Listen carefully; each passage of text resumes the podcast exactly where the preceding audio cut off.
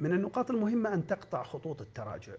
أحد مشكلاتنا أيضًا في تطويرنا لذواتنا وتخطيطنا لأنفسنا ووضعنا لأهداف قيمة وعالية، أحد المشكلات أننا نضع الأهداف رخوة والوعود لينة.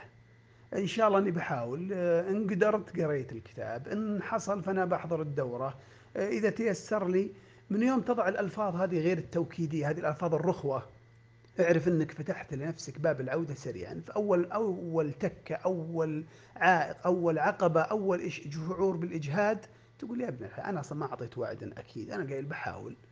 فهنا إذا أردت أن تصنع شيئًا ووضعت هدفًا ساميًا، يجب أن يكون هذا الهدف خلاص مُعلن، آآ لا رجعة فيه، تأخذ العزيمة على نفسك. أذكر إني التحقت بدراسة الماجستير، ولما التحقت قال لي واحد من الزملاء: "يا ابن الحلال أنت فاضي، صدقني أنا أعلمك من الحين، ما أنت مكمل، أول أسبوعين وبتهون، لأن المسألة فيها روحة وجية، بعد الدوام تروح تداوم 4 ساعات، 3 ساعات، والعمل في شرق الرياض وال والجامعة في شما أقصى الشمال، مشوار طويل وتكليفات، أنت الحين ما أنت فاضي تخلص شغلاتك البسيطة."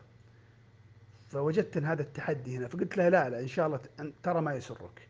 وأقدمت وتعبت فعلًا، لكن لأني حاسس إنها فشيلة أرجع، أنا أعطيت وعود وقلت للناس بدأت وكلٍ عرف إني بديت أدرس، فليس من اللائق في ظني أنا إني أرجع.